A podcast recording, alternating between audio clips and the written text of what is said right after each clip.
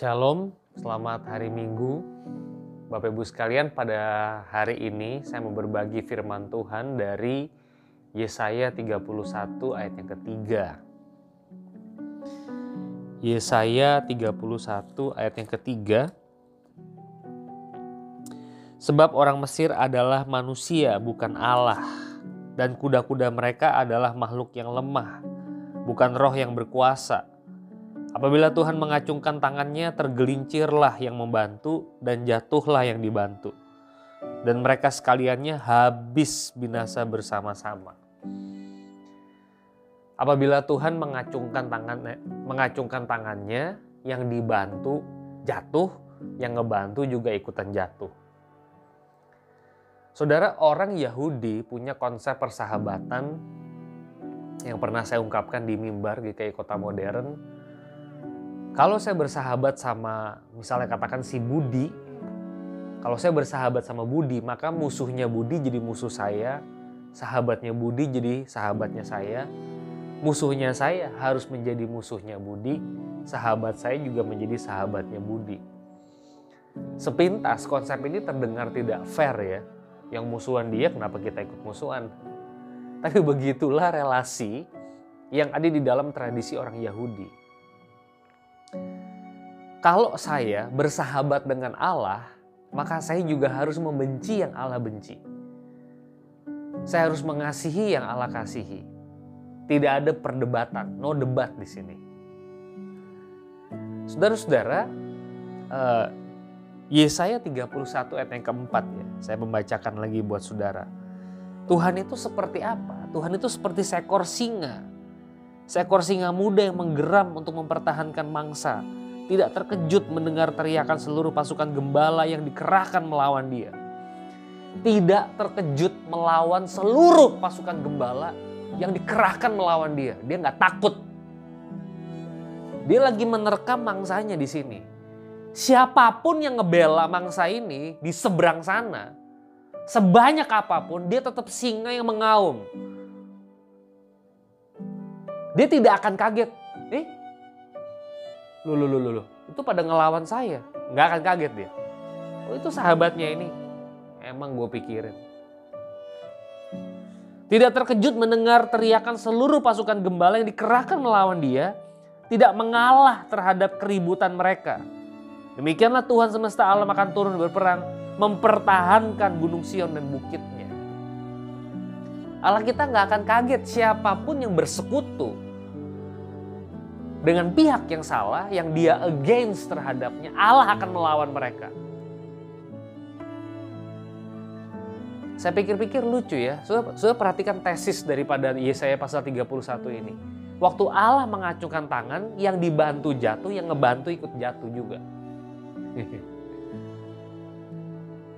Saudara bayangin orang berbuat dosa. Dia jatuh kan? Ya urusan dia, dia yang berbuat dosa. Tapi kita yang mau ngebantu dia, kita ikutan against melawan Allah. Itu mesti dipikirin. Saya jadi mengingat pepatah lama, saudara-saudara. Saya udah pernah menyampaikan ini lama sekali. Kalau ada orang hatinya lagi hancur, hati-hati. Biarin aja dia hancur, nggak usah jadi penghibur sialan. Udah nggak apa-apa, tenang aja semua orang melakukan kesalahan kok. Semua orang melakukan kesalahan kok. Nggak apa-apa. Padahal Allah lagi berkenan sama dia. Dia lagi nangis, lagi hancur. Biarkan saja dia dalam tangisan kehancurannya. Kita pada waktu itu kita menjadi penghibur yang sialan kata teman kata Ayub. Teman-temannya Ayub itu. Saudara, kita harus berhati-hati kita sebagai hamba Tuhan, kita guru mungkin, kita konselor, atau kita orang biasa yang mengkonsel orang, menasehati orang. Hati-hati dengan setiap masukan yang saudara berikan kepada orang. Hati-hati dengan berita penghiburan yang hangat, penuh cinta kasih yang kita berikan kepada orang. Kalau orang itu tidak di posisi yang benar, dia lagi jatuh, kita ikut jatuh. Dan Tuhan tidak akan terkejut waktu kita ngebelain dia. Tuhan gak akan kaget. Hah? Nggak. Kamu against him. Kamu against saya berarti.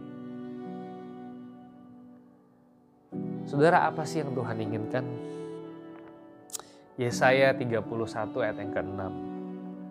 Bertobatlah hai orang Israel kepada dia yang sudah kamu tinggalkan jauh-jauh. Bertobatlah. Kamu sudah meninggalkan Tuhan terlalu jauh. Kalau saudara ingat suara pastoral minggu yang lalu, mirip-mirip ya. Orang tuh kalau jatuh itu nggak nggak langsung hari ini begini, besoknya begini tuh sekejap berubah 180 derajat dia akan perlahan-lahan. Yesaya 31 ayat yang ke-6, Bertobatlah ya orang Israel kepada dia yang sudah kamu tinggalkan jauh-jauh. Mungkin sebagian kita terlalu jauh dari Tuhan. Ada yang agak dekat, ada yang terlalu jauh dari Tuhan. Semakin tinggi sudut deviasinya, semakin kita ngawur di dalam hidup ini. Kita overconfident kita pikir kita ngebela yang benar, tapi sebenarnya kita ngebela orang yang salah. Kenapa itu terjadi? Karena kita juga punya distance sama Tuhan. Kita nggak punya intimacy sama Tuhan. Saya kembali diingatkan Matius 5 ayat 48 atau Imamat 19 ayat yang kedua. Kita harus kudus dan sempurna karena Tuhan Allah kita itu kudus dan sempurna.